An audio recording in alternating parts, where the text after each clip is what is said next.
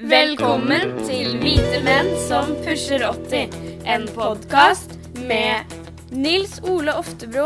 Ja, jeg er med, og jeg har funnet ut at siden jeg blir, blir så gammel, som jeg snakker mye og veldig veldig fort, man vet aldri når jeg faller sammen foran mikrofonen. Kalle Fürst. Og jeg er med fordi jeg syns gamle stemmer også skal høres i podkaster. Ole Torp. Jeg er med, selv om jeg jo bare er ungdommen i forhold til de andre. Hvite menn som pusher 80. En podkast for oss, foreldrene våre, besteforeldrene våre, kort sagt alle. Sett i gang. Vi hører på dere, kanskje, men vi følger med på Snapchat samtidig. Ja. Å, du har laget kaffe? Men har, har du sett det Gutter på randen? Har du sett det Ja, programmet? så det går. Ganske interessant. Ja. At de får en, en, en økning Men det skal vi kom- komme ja, tilbake til. ja, ja, ja, Ja, det var veldig- veldig vi har kommet tilbake til. Dere, hei, dere. Nå må vi finne ut hva vi gjør her, gutter. Ja, Ja, ja. Vi skal Den lage her fikk dere den. De har interessant Aff, dere. Dere holder på med så mye, kan vi ikke komme i gang? Jo, vi kan, men du har, jeg, har ikke du på recording, da? Jo, jo, vi har så mye Ja, men vi skal jo allikevel Men den der om alderismen fikk Ja, ja, den- den- Du også fikk den. Det var den. Jeg sendte den all, ma all lives matter. All Lives Matter. Ja. Ja. Jeg falt jo så lang jeg var forleden dag, men det var ute. Ja. Falt du? Ja, jeg gikk Jeg gjorde det som uh, vi er så bekymret for at eldre folk gjør. ja. Så jeg falt da jeg var på Jeg kom fra bar. Ja. fra bar, ja. Jeg Akkurat. hadde kun drukket ett glass hvitvin, og riktignok var det et bringebær eller noe sånt nedi der. Men jeg snublet i en av de der svullene på, som ligger akkurat i overgangen mellom fortau og vei. De er de skumleste. Det er de verste. Ja. Og jeg kjente at jeg falt, og livet passerte revy. Og Det var såpass, ja. jeg klarte å tenke 'ikke ta deg for'. ja. Eh, Så så jeg rullet litt sånn som jeg tror profesjonelle soldater bare sånn ruller rundt. Så jeg traff skulderen, og så trillet jeg rundt et par ganger. Og så slo jeg ankelen min mot eh, fortauskanten, så den var eh, gul og blå og lilla og sånn i dagevis. Det er jævlig farlig der ute, altså. Ja, ute i verden er det farlig. Ja, det er fryktelig farlig. For oss gamle nå så er det faktisk veldig farlig. Har det skjedd noe? Men dere, jeg, jeg, jeg, skal, jeg, må, jeg må snakke om én ting Ja. med, som gjelder Nils Sole. For jeg har jeg ble plutselig, jeg har vært med i noe som heter 80-tallspodden, hvor de snakker om ting som skjedde på 80-tallet. Og nå fikk jeg plutselig et tips om at eh, Betty og Tor Gunnar fra eh, Borgen skole Ja. hadde vært med i 80-tallspodden. ja. Borgen skole, det var en TV-serie. Borgen skole var en TV-serie som gikk i 1988. De fulgte en klasse liksom Ja. gjennom tre år. 6B, 7B, 8B, så kom eh, er jeg fjerdeklassen. Jeg bodde i utlandet da. Og, og der eh, spilte eh, Nils Ole en veldig fin rolle som lektor Ottesen. Og jeg husker da jeg spurte Nils Soli, har du lyst til å spille rektor på denne skolen, en litt sånn bestemt autoritær rektor, for da hadde jeg sett han i sånne mange roller hvor han var litt eh, tøff og barsk og, og, og sånt noe. Så sa Nils Soli, nei, nå vil jeg spille en puslete lektor, sa han, lektor Ottesen. Og han skal ha fløyelsbukser, og så skal han ha pullover som er litt grann for liten, sånn at det er en sprekk mellom. Se lille maven igjennom. Eller skjorte, Jeg lagde frakene. kostyme. Ja, ikke sant. Ja. Og det var, og det var det, det var det Du kastet deg selv inn i den rollen på den måten, og det er så morsomt å se på det. For jeg har sett noen episoder nå. Det er så hyggelig. Og jeg, jeg har aldri brukt Jeg hadde jo dette- ja. Jeg hadde litt hentesveis den gangen. Og der brukte jeg det for hva den var verdt. Altså Jeg greide enda lenger ned. Tok fett i sånn, bare så, så, så at den bare sånn glissen som søren. Og det var så gøy. Og så hadde vi en vaktmester på skolen, og det var da lille Kari Svendsen. Og vi skulle få et sånt litt romantisk forhold da, ikke sant? Og gifte oss, faktisk. Og jeg kjenner Lillekar fra først. det var jo så hyggelig. Og vi ble så gode venner. Vi hadde ikke truffet hverandre på en stund, så det var også en bonus ved den. Få tilbake henne som venninne. Ja, det var, altså det, var en så, det var faktisk en fantastisk morsom produksjon å gjøre. Ja, det syns jeg også. Ja, og Veldig jeg- hyggelig å se på oss flinke de ungene og alt Ja, mulig. altså. strålende. Og jeg produserte altså Vi, vi lagde åtte episoder i tre sesonger, og det er tilsvarende to spillefilmer. Så på tre år så lagde jeg seks spillefilmer. Ja. Men nå dukket det opp igjen. Nei, nå, nå, Den ligger jo på spilleren til Jo, men du NRK. snakket om den Nei, det var 80-tallspodden. 80-tallspodden, og så var det Betty og Tor Gunnar Og to levd med. eh, som ble intervjuet der og snakket om hvordan det hadde vært å være med. Og så fikk jeg en link til det.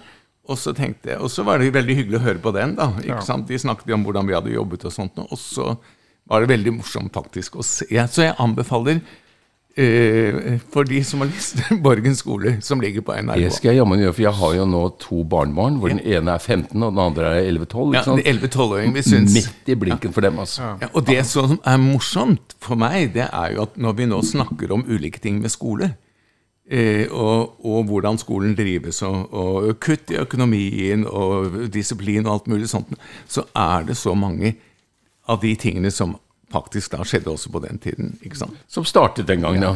Gode lærere er gode lærere, og de klarer det meste. Men var det de samme problemene? Ja, ikke mobiltelefoner. Nei, det var, ikke, mo- nei men det var mye av, mye av de samme problemene. Ja. vi- Mye av de samme, men det er jo ikke Jeg tror nok det å angripe lærerne som voldeløshet, det er noe helt nytt. Ja. Det har eksistert ikke på den tiden. Og jeg husker da jeg gikk på skole at en lærer ble slått ned i storfriminutt. Ok. På Framhaldsskolen. Jeg gikk på en skole hvor de, noen av de etterkrigskullene var så store at skolene var for små. Ja, ja, ja. Så i fjerde klasse så ble guttene i 4A og 4B på Storetvedt skole overført til Hop skole, som var en sånn framhaldsskole. ja. Og, og det var egentlig en sånn skole hvor folk hadde bestemt at der skulle du gå hvis du overhodet ikke aktet deg inn på en akademisk løpebane og ikke ville gå gymnas og sånne Ja, ja, ja. Så de tok en sånn avsluttende ja, ja.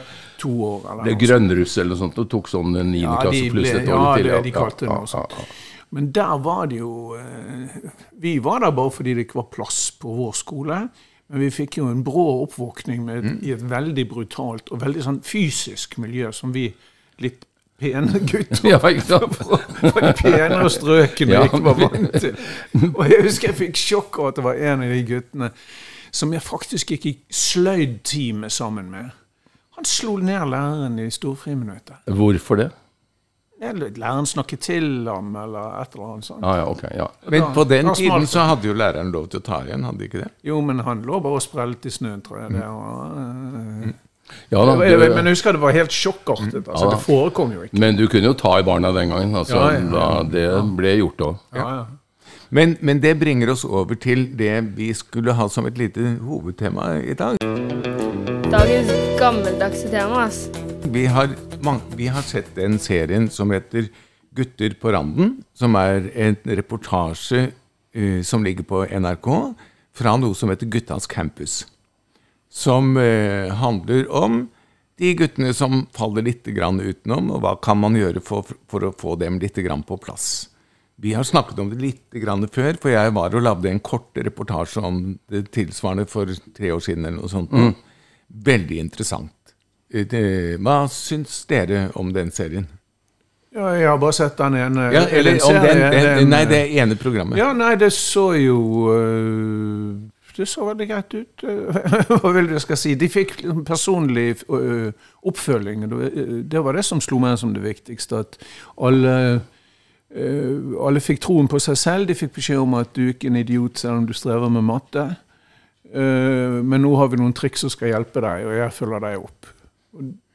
Denne følelsen av at hver og en gutt blir tatt alvorlig på sitt nivå, tror jeg jeg oppfattet at det var nøkkelen. på en måte. Hvis du følte at du falt ut i en, en stor klasse og var den dummeste i gåseøynene der, så var du her din egen, eh, din egen mester, på en måte. Ja, de provoserte jo litt den allmenne mening også, ved å si at den vanlige skolen er lagt veldig til rette etter kvinners, etter jenters mm. behov, både for måten å undervise på og måten man blir presentert stoff på. Det som overrasket meg mest, var jo at disse guttene, tilfeldig valgt, da, på dette stedet så var det i 14 dager, hadde en økning i hvilke matematiske problemer de klarte å løse på 125% Ja, det var helt vilt. Og det forteller jo at det er et eller annet helt feil med den moderne skolen, som ikke klarer å fange opp og forbedre når disse lærerne, og på denne måten, og med en pedagogikk som kanskje passer bedre for gutter, klarer å bedre i løpet av 14 dager resultatet med 125% så sier det at det er et eller annet rivende feil med kjønnsfordeling og hvordan man tenker i den moderne skolen. Den er lagt det, all, all det ære om feminisme og jenter og de alle, men halvparten av befolkningen er tross alt gutter. Og alt kan ikke legges på jenters premisser, og alt hva jenter mener er riktig, kan ikke gjelde for alle hele tiden. Det er en annen form for fascisme. Jeg fa- oppfattet det sånn at feminisme, men det begynner å ligne snart en fascisme når det er akkurat det. Jeg oppfattet de som helt vanlige gutter. Helt, sånn, Ja, helt helt, vanlige gutter. individuelle gutter med luen bak frem og Ja, men, men de ligger litt dårlig på skolen. Ja, ja, men De- når du, når du fikk intervjuene med Ja, dem, ja. så fremsto Ja, ja, de som ja, ja, helt ja, vanlige. Det, det var ikke noe tomsing av dette her. Nei, da, Nei, men, nei, nei, det var ikke sånn. de nei, var til, de, noen av de uttrykte til og med bekymring for å miste, miste gløden. og De hadde kanskje lyst til å gå på videregående, men de tvilte på at de klarte å beholde begeistringen. sånn som situasjonen Jo, det er det jeg sier, og det er jo utrolig tøft. At ja. disse guttene som er såpass vanlige, som nettopp ikke er sinker eller voldsomt voldelige eller ikke, at de i løpet av 14 dager finner seg så til ro, ro klarer å konsentrere seg på den måten at de får så gode resultater både i språk og matematikk, det er sensasjonelt. Og at det ikke slås opp større, er virkelig sensasjonelt. Men det er jo Men, inntrer det, jo- men det, ja. det, det altså det, de har jo tatt inspirasjon fra noe som heter bootcamps i USA, Ja. drengeskolen i Danmark. Ja.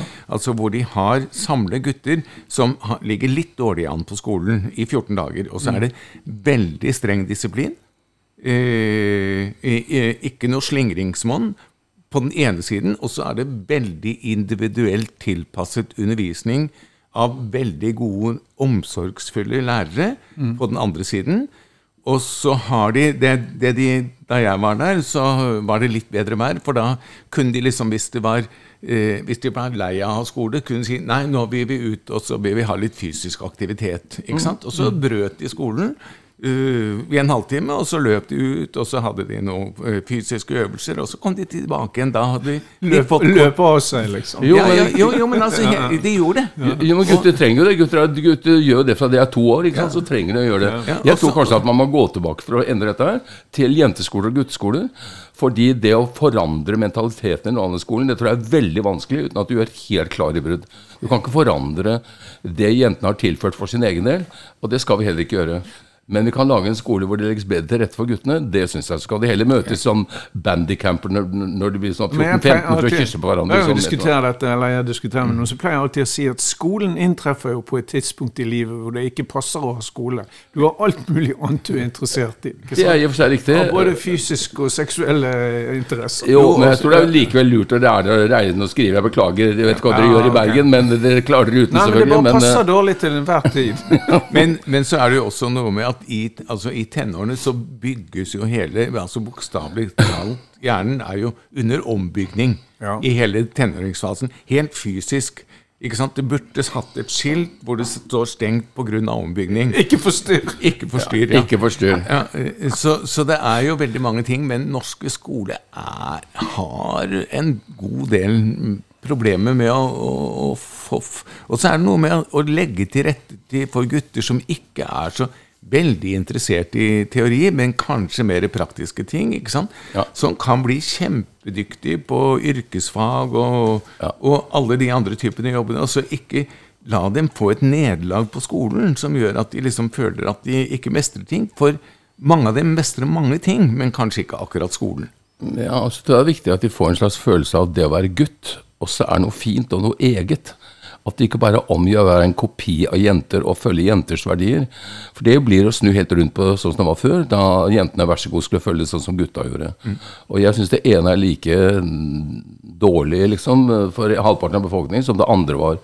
Så jeg foreslår rett og slett å lage egne gutteskoler for gutter som er vanskelig, og så kan de andre gå sammen på en annen skole. Gutter som er vanskelige. Det hadde vi jo før i tiden.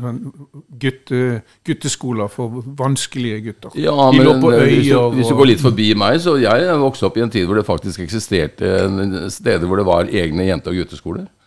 Og det helt nye var at de gikk i blandede klasser. Men disiplinen var helt annerledes. Og så hadde man jo ikke Man kunne ikke sitte og kommunisere så lenge som i dritt via mobiltelefoner, via alle disse Vi skrev lapper, vi gjorde jo det. og så hadde vi jo ikke så mange kulturelle motsetninger innad, ikke sant? og var så uenige om hvilken type disiplin som skulle være i et klasserom og sånn. Både mellom foreldre, internt mellom barn. Og på veldig mange måter så er det klart at den moderne skolen har veldig mye å slite med som, som vi ikke hadde. Så man må prøve å finne tilbake til hvordan man kan lage en god skole som skal gjelde for alle i vår moderne verden. Og det lykke til, det blir ikke enkelt. Altså, det er en del kulturforskjeller som de skal få slite med. Både kjønnsmessig og, og, ja, og kultur og land og religioner og alt. Eh, nå fikk vi akkurat eh, beskjed om at en som jeg iallfall kjente en del, og Nils Ole også Ole har jo intervjuet han. ja, Johan Galtung døde nå Ja. for noen dager siden.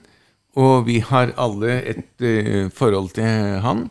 Jeg gjorde altså et intervju med han i 1972 i Flimra. Hvor vi satt i Flimrasengen, som det het, og snakket, snakket om fremtiden. Og han tegnet og fortalte. Og så traff jeg han igjen for åtte år siden i Kuala Lumpur. Og så gjorde jeg et nytt intervju med han med basis i det vi snakket om i 1972. 72, og hvordan han, det hadde gått. ikke sant? Og han var jo en kontroversiell, interessant og spennende fyr. Og det intervjuet ligger altså på YouTube. Eh, Flimra ligger på NRK, men det andre ligger på YouTube. Eh, og han, jeg satte veldig stor pris på han. Har du sett det intervjuet? Ja, jeg tror jeg har sett det i, sengen for Ja. veldig lenge siden. Det sitter en veldig seriøs Kalle Fürst. Jeg har Ja. nesten aldri sett deg så seriøs i mitt liv. Med utrolig mange krøller. Det var nesten så vidt Det hang liksom ned til hit. Men Galtung var mye yngre, men ellers akkurat den samme. Ja. Har snakket med den samme entusiasmen, like skråsikker på alt sitt. Like mm, sine meninger om pasifisme, om diplomatiets betydning osv. Der var han helt unik. Det hadde forandret seg lite. Jeg traff han eh, på slutten av 80-tallet. Eh, jeg tror jeg traff han i forbindelse med en forestilling på Torshov-teatret. Og så likte vi hverandre, så ble jeg invitert hjem til han. Og så bestemte vi oss for, for det hadde vært et møte på, mm, i Reykjavik mellom Reagan og Gorbatsjov. Og så fant Galtung ut at hvor kommer det neste møtet til å finne sted? Så sa han jeg tror vi finner på at det skal ligge i, på Vestlandet i Norge. Yeah. I, på et hotell der. Og de første, når det nyhetene kommer ut, er japanere som øyeblikkelig leier seg inn og legger avlyttings i alle rommene og frem og tilbake. Sånn. Og så var det all, hvem som avlyttet hvem, hvem som forsøkte å ligge med hvem for å skaffe opplysninger og sånn. Dette skulle vi skrive om. Ja. Så jeg hadde en hel sommer i 87. Da leide et hus vis-à-vis huset til Galtung i Alfastelpi.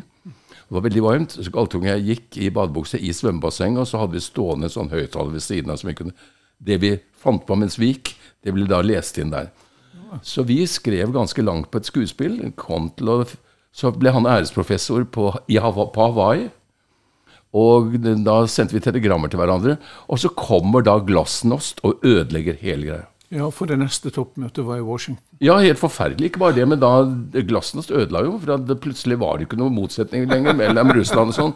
Så freden ødela hele stykket vårt. Så måtte, Ja. måtte bare rive det i stykker. Det var ikke noe mer å Freden gjøre. ødela skuespillet. Ja, ja. Mm. De rev muren, og samtidig rev de våre forhåpninger om å skrive et godt skuespill om hotelldrift på Vestlandet. Uff. Men, eh, men eh, da jeg traff han, så var han æresprofessor på Det islamske universitetet i eh, Kuala Lumpur. Ja. Ja, han hadde en rekke sånne æresdoktortitler, tror jeg. Men det han sa, veldig som jeg husker veldig godt, det var han mente at Vesten ville på en måte fortsette å ville være Vesten med all sin aggressivitet om tilbake og sitt ønske om å lede verden. Og så sa han det er bare et tidsspørsmål når det kommer til å forskyve seg østover. For Kina har et helt annet system. Japan et eller annet sånt. Russland øh, kommer eventuelt til å bryte fordi Vesten ikke klarer å samarbeide med Russland. Så vi kommer til å få en forskyvning av makten østover. Og det må jeg si. 50 år før det fant sted, så forhørte han så hva som kom til å skje nå. Han var ikke bare professor, han var også profet, altså. På en måte var han det, skjønner du. Men han var veldig klok. Han så langt frem. Og jeg må si at det Det, ja, det forundret meg. Og, og han eh, Jeg tror nok han eh, Eide, som har skrevet han gamle diplomaten, som har skrevet i nydelige diplomatiske former, at kanskje vi burde forsøkt å bli Finne en måte å bli, du om nå? Karrieren, ja. At, å bli sammen med Russland på, holdt jeg på å si. Altså samarbeide, istedenfor å gå inn og vise hvem som er den sterkeste, og hvem som vinner hva. At både begge veier. Hvem som skal starte der. Vi syns selvfølgelig alltid at Putin burde startet. Men eh, jeg tror nok Galtung ville synes at det vi som har skjønt den problematikken, de bør starte først. Og så må de håpe på at de andre da tar til vettet og kommer etter. Det virker som om nå skrur vi alt opp i en krigsspiral som jeg syns er utrolig skummel. Altså. Jeg, jeg fulgte Johan Galtung bare som, som profesjonell journalist i noen år. Han hørte foredragene hans og sånne ting. Og så tror jeg intervjuet ham den gang, det som du refererer til. Hva var det han da hadde sagt som du grep tak i? Det var, han hadde formulert seg veldig dumt på en eller annen måte, eller uklart, eller hva det var. Og du kjørte han og så veldig på ett argument om og om igjen. Ja vel. Jeg, jeg boret litt, kanskje. Det kan man si, det var som hos tannlegen man borer feil gjepsen. Ja, jeg tror, ja, stemmer det. det var noe, jeg lurer på om det var noe med at han hevdet at Kina ikke var en ettpartistat. Eller det var noe sånt at, det, det, at, var litt at. Kina ikke var et uh, autoritært samfunn, eller noe slikt. Og da hadde han bare kort tid før um, Og så ble han sur på meg, for jeg sa jeg har faktisk bodd i det landet. Og det syns han at jeg, det syns ikke han hadde noe med saken å gjøre, for han hadde jo studert det. Og så hadde jeg ham i studio en gang sammen med noen journalister om Treholt-saken. Og der var han også kontrær, for å si det sånn. Der var han veldig på at Treholt var uskyldig og hadde aldri vært spion. Han hadde bare vært en avansert diplomat. Så, så mine to profesjonelle møter Jeg kjente jo Arne Treholt også, fordi kona hans, Kari Storekre, jobber sammen med ekskona mi, Kari Korsvold. Ja. Og eh, la oss si det sånn, altså Arne Treholt var i hvert fall utrolig opptatt av en type diplomatisk At vi måtte holde forbindelser åpne til Russland. At han brøt grenser? Ja. At han gjorde ting på eget initiativ? Han Jens Evensen ble jo så lei seg at han omtrent døde av det, ikke for han følte at, at Arne gikk rett bak ryggen hans. Han Men, gjorde jo det. ja, men hvor bevisst Arne var, eller hvor mye han ønsket å gjøre dette for penger og for å, for utlevere norske forsvarshemmeligheter, det er jeg mye mer usikker på. Willoch klarte jo da å slippe han inn på Forsvarets høgskole for at jeg være helt sikker på at de hadde noe å ta han på, at han hadde opplysninger nok som var spennende å ta han på. Så det er en eh, underlig blanding av argumenter og politisk eh, sammensetning, og hva som er viktig og farlig eller ikke i den saken. veldig underlig. Altså, han tok penger både fra russerne og iranerne, til og med. Ja, ja. Så, så han er nok uh, oh, ja, ja, ja, jeg sier ikke at han Det var nok ikke noen tvil om at han Men var spørsmålet er hvor skyldig han var, og hva han gjorde, og hvorfor han gjorde det. Det mener jeg er Om det bare var for pengene, eller om det også var noe annet, det vet jeg ikke. Hva, vel hva sånn han forsvarte med hva, vet jeg ikke. Nei, men det vel, vi har vel sett det før i historien, at uh, både små og store spioner lager seg et sånt eget uh, narrativ hvor de på en måte rettferdiggjør sin egen innsats. Ja da, og- og, oppfatter seg som superdiplomater. eh, Og kan vandre i begge hovedsteder og, og gli sømløst mellom forskjellige Og vi som Men litt penger må de jo ha for det, selvfølgelig. Men vi som opplever det som spioner, da, vi har jo også vår agenda, for å si det pent. Det brøt jo ikke ut noen ny verdenskrig på bakgrunn av hvilke opplysninger han hadde gitt. Og det skjedde ikke noen store, ekle ting med folk verken der eller der. Så egentlig hvilken betydning det hadde, bortsett fra at han ble satt i fengsel, det kan man alltid diskutere. Hvem er mest paranoia? Er det oss, eller er det de på den andre siden? Begge deler vil jeg tro.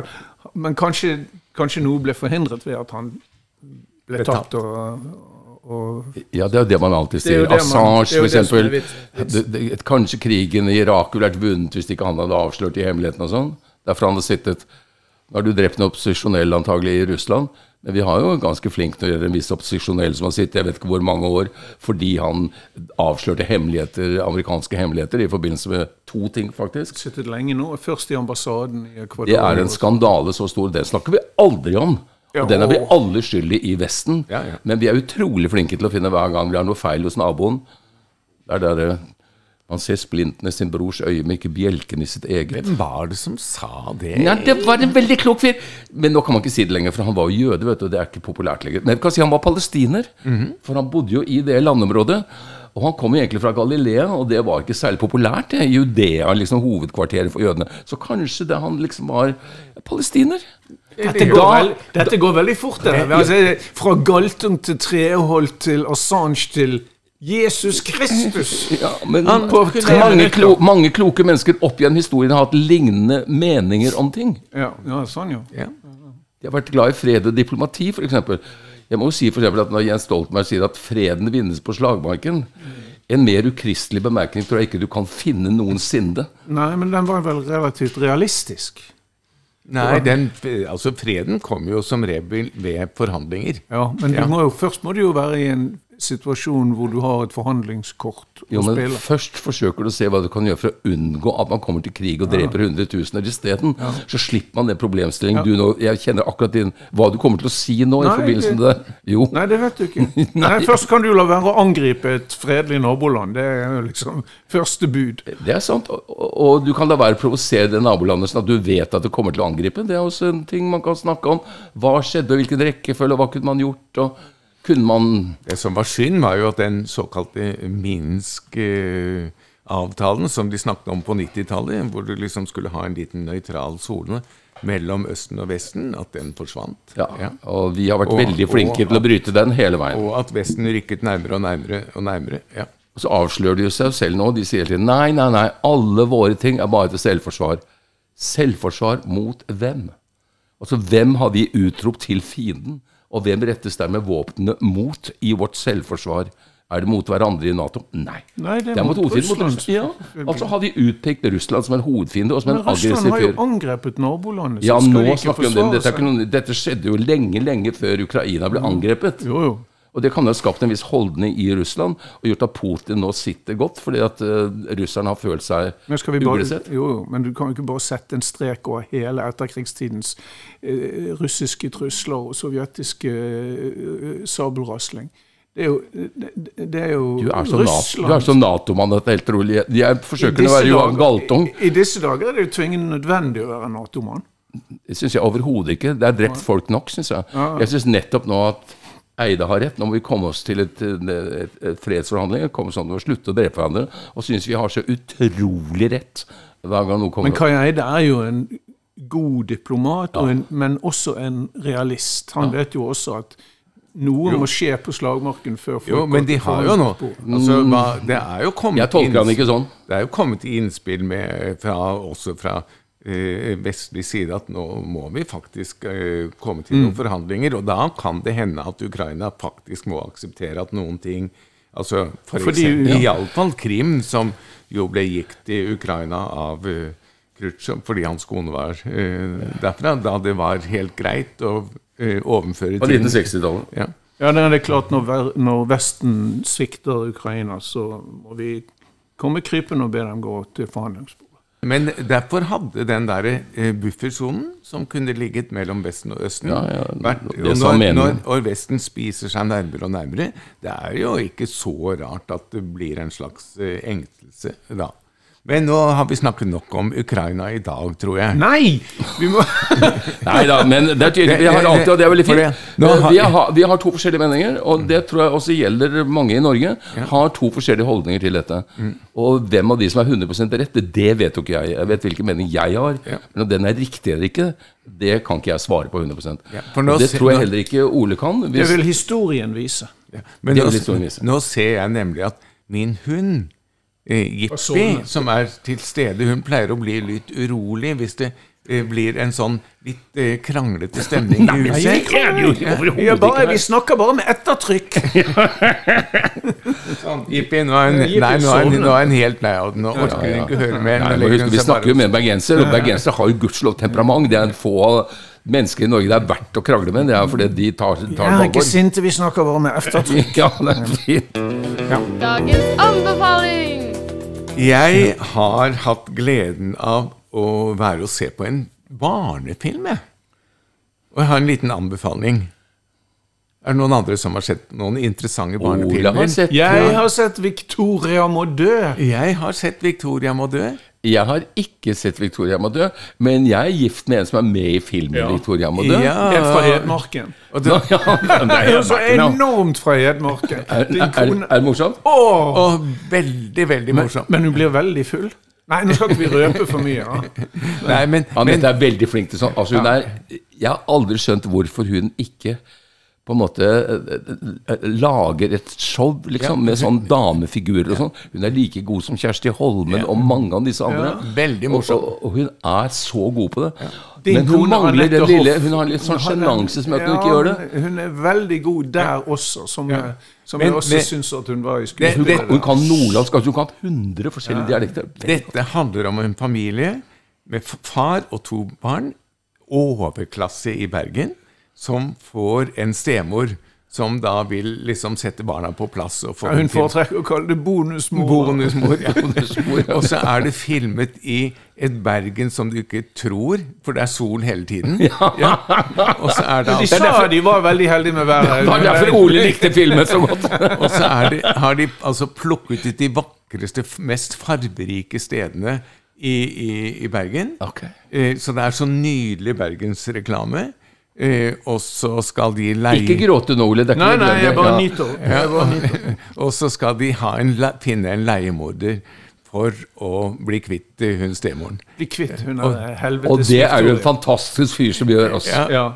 Men vi må jo si at det er Gunnbjørg Gunnarsdott- Gunnarsdottir som Ja. har laget filmen. Det syns jeg alltid vi skal si. Og jeg tror det er hennes spillefilmdebut. Ja, jeg tror det. Ja. Men den er nydelig, og det er altså de, de ungene som de der overklassebergenserne, de er så fantastisk gode. Og, og moren, Agnete Haaland, Agnete er også. som også går inn og allierer seg med dem for å bli kvitt hun der Nå, hun blir sjokkert når hun hører de skal leie til en leiemorder. Og så ser hun på dem, og så sier hun Ta håndvesken min! Du må fortelle hvem som er, hvem som er, hvem som er leiemorderen nå, da. Ja, Nei, du skal si det. Nei, det er Ajic. Ja. Leo Ajik. Ja. Og han er veldig, veldig, veldig god. Han er Ja. troverdig som leiemorder også. Og, og han har fortalt etterpå jeg syntes det var veldig hyggelig å få lov til å spille i en film. Det er noe nytt for meg, og det synes jeg, dette har jeg lyst til å gjøre flere ganger. Vil du spille leiemorder? Pause. Jeg kan spille hva som helst. Nei, men Ja, det, den er veldig morsom. Var, var det VG som sa det? var Han Tarantino for barn. Ja. ja, det er veldig morsomt sagt. Da må jeg også se den. Ja, du må se den. Den er gøy. Ja. Vi kom litt oppløftet ut, og så gikk jeg på trynet i fortauskant. Det var da. Var det det var da da? jeg gikk på trynet i fortauskant. Og fremdeles er du glad i filmen. Ja, ja, ja. Ja, det forteller at du, du Det var sånn, tenkt, var sånn ta den filmen. afterdrink etterpå. Ja, Ja, Oh, det er det, akkurat. Mm, nå snakker vi. men jeg går jo bare med piggsko. Ja. Går du ikke med piggsko? Nei. Jeg føler meg så gammel i piggsko. Ja, men jeg er gammel. Ja, men ja. Han er ikke så gammel, vet du. Jeg er ikke fullt så gammel. Nei, det er det. Nei, Jeg- jeg går med brodder. Ja. Ja, jeg går med brodder. Jeg hadde ikke det i dag, men det gikk så fort, liksom. Men jeg pleier, hvis jeg skal ut, så går jeg med brodder. ja, du må det. Selv om jeg bare skal inn i drosja som står på hjørnet, liksom, så er jeg går med brodder. Eh, Er det noen andre anbefalinger dere har, da? Du har med deg noen, eh, noen artikler her, ser jeg. Ja, altså jeg eh, ble veldig opptatt av en artikkel i, eh, av Frank Rossavik uh, i Aftenposten som skriver at uh, vi må bli flinkere til å bekjempe alderismen. Gamle folk må bli flinkere til å stå opp mot aldersdiskriminering. Um, en ganske interessant artikkel sto for noen dager siden. og Det jeg ikke visste, var at halvparten av verdens befolkning ifølge Verdens helseorganisasjon halvparten av verdens befolkning har et negativt syn på eldre. Ja. Størst er problemet i land med lavt velstandsnivå. Og når vi vet hvordan det er i Norge, så kan du tenke deg hvordan det er i land som har dårligere velstand. Det er um, Altså, det er grupper i, uh, som har FN-konvensjoner for å sikre seg mot diskriminering. Eh, og det kan være rase og kjønn og fattigdom og alt mulig sånt. Men det er ingen konvensjon mot alderisme. Selv om alle oppfatter at det er et kjempeproblem, og det går jo i arbeidsplasser, og det går på sosiale ytelser, og presset blir stadig større. Det er jo klart at i u-land, hvor de har vanskelig nok med å få endene til å møtes, så er det å ta seg av eldre som ikke lenger kan, som er blinde eller ikke kan arbeide og sånn, det blir I gamle dager her hadde de det som et etterstup, hadde vi ikke det? Hvor hele De tok og stilte et gammelt menneske, hvis de ikke kunne være med lenger, på kanten av et stup, og så hadde de en lang stokk, og så tok alle i familien og holdt rundt den stokken. Og så støtter man sammen den eldre personen ned for stupet. Ned i juvet. Og det var for at ikke én person skulle bære skyld, men alle i familien skulle være med på å gjøre det. Men før det så hadde man noe sånn man tok avskjed med, og vedkommende ble Man gråt for vedkommende, man gjorde 'tusen takk for hva det har betydd for oss', og frem og tilbake. Men nå er det nok. Så jeg skjønner at uh, veldig Jo, mange sånne tradisjoner fins i fattige land Det er jo andre tradisjoner enn vår, nemlig den tradisjonen at uh, i mange land som er fattige og har dårligere velstand enn vi har i Norge, så bor de gamle hjemme. Ja, sånn som de gjorde i de gamle bondesamfunnene. hvor, og hvor, hvor eldre folk blir respektert fordi de kan noe og er vis, og de blir sett opp til. Kina for eksempel, er et sånt eksempel. Sikkert mange land i Afrika også. Eh, Så vi har mistet et eller annet på veien i vår iver etter å plassere de gamle i sykehjem og aldersboliger og sånne ting. Så har vi kanskje mistet noe av den der, det der personlige ansvaret og personlige kjærligheten for, for de som er Men det har vel også noe med at i gamle dager så regnet man med at um, de, vi eldre hadde og kunne et eller annet siden vi hadde levd et langt liv. Mens nå så henter man ikke kunnskap hos eldre, man henter det i den mobiltelefonen som ligger på bordet der. Og hvis, hvis jeg spør uh, Jakob om et eller annet, så Så googler han det. ja. Ja. Han trenger ikke å kunne det lenger. Vi måtte kunne, Jeg kan ikke telefonnummeret til veldig mange av vennene mine før. Jeg kunne liksom 25 nummer utenat i gamle dager, liksom, fordi jeg måtte kunne. Og det samme gjaldt alt fra hovedstader til ting, til hva du leste eller hvordan, så måtte du huske det. For du kunne ikke bare gå inn og finne det. Og det tror jeg også har vært med på å forandre synet på eldre. Vitsen med å høre på eldre, for de regner med at vi er gammeldagse. Vi eh, tenker som de gjorde på 70-tallet, og de vil ikke ha tilbake 70-tallet. 70-tallet var jo i går. Ja, ikke sant? Så de syns ikke vår kunnskap på en måte, Når tiden går, så flytter tiden seg også med de som er unge i den tiden. Og eh, jeg tror de føler at de har mye bedre de er, Dette er den alderspersonen deres. Det er mobiltelefonen og kunnskapen som gjør der. Kunstig intelligens kommer til å overta for eh, eldres intelligens. Det er en britisk rapport som, fra 2005 som, eh, som Aftenposten også siterer i denne eh, kommentarartikkelen. Der står det at alderisme er et fenomen som er mer utbredt enn både rasisme og sexisme. Ja, det. Det syns jeg er, eh, det synes jeg er oppsiktsvekkende. Altså. Jo, men Det vi, oppsiktsvekkende. Men det som er hyggelig med, med den rapporten, er at den samtidig sier at i noen sammenhenger diskriminerer man de unge også. Um, her slås det fast at det er kun én gruppe som går klar fra sånn eh, aldersrelatert eh, diskriminering. Og det er, hold dere fast, det er kun gruppen mellom 35 og 44. Alle som faller utenfor gruppen 35-44, blir diskriminert. Så det gjelder å holde på de ni årene så lenge man kan. Da må man ikke være gift eller slå til. Bare grip alle muligheter du har. Ja. Du kan gifte deg etterpå. Ja. Ja. Gjør alt du vil mellom Alt 35 du og 44. ja. Absolutt alt. Bare det første du tenker på, Nils. Ja, Jeg tenker på å kjøre en biltur opp til Dovrefjell f.eks. og gå tur der i Slaghaugene. ja, ja, ja, noe sånt tenkte jeg også på. Det var det som gøyeste jeg visste Ja, da jeg var 35. Ja, men det var, det var akkurat i den perioden hvor jeg var skilt og enslig. Ja. Ja. det var, Ja, vi trenger ikke å høre alle de sånn de historiene. det var sånn det artet seg. Ja, det var sånn det artet seg. men, men det er jo derfor vi har denne podkasten. Det er jo for å trekke opp eh, denne aldersgruppen. fordi at vi er altså minst 20 ikke sant, av den norske befolkning som sitter her. Eh, og, og Det er bare oss dere som snakker, men det sitter uendelig mange rundt oss her, så dere ikke hører hver gang Ja, vi har ja. Og det er klart at hadde f.eks. Stortinget hatt en ordentlig aldersrepresentasjon, så skulle det vært omtrent 30 eh, eh, i over 62, og ikke 3 som det er nå, eller noe sånt. Og masse gåstoler i resepsjonen og sånn. Som Kramlende inn hver morgen. Litt utpå formiddagen ja, ekstra gebiss og briller som lå liksom hos Jo, men te, altså se den derre eh, Når Jonas Gahr Støre lager en ny regjer, eh, regjering, så skryter han av at de er så unge. Se hvordan det går med dem, sier jeg. Det er sant. Ja, her måtte vi ha Dype ord, dype ord, dype ord. Ja, la en, vi tar en pause der og lar det synke inn. Ja. Old lives matter. Old lives matter. Har du den T-skjorten? Nei, men jeg skal få meg den. Ja. Vi skal da, vi har jo det er jo en sånn eh, webgruppe som, eh, eller Facebook-gruppe som heter Ja til eldre, som ble basert på at eh, P1 pluss fikk redusert. Og de eh, snakker da om å lage en sånn ting. Ja, det sies at uh, den, den, den er laget, eh, men at folk bruker den den dagen de får den, og, og det er på, og det er på 50-årsdagen. Og det å gå på byen med den er ikke noe sjekketriks. Men, men ja til eldre. Er det er ikke sånn eh, unge, litt rike, ensomme forretningsmenn som deler sånne flyers ut blant jenter på 25. Det er ikke det. Nei. Ja til eldre. Kom hit, vennen min. Hmm. Jeg hadde en kompis på, da hun var 22, så gikk han på diskoteket på Bellevue i Bergen. Ja. Og, og der var eh, Ja, Han var 22, og så kom han i snakk med en jente på 18. Ok.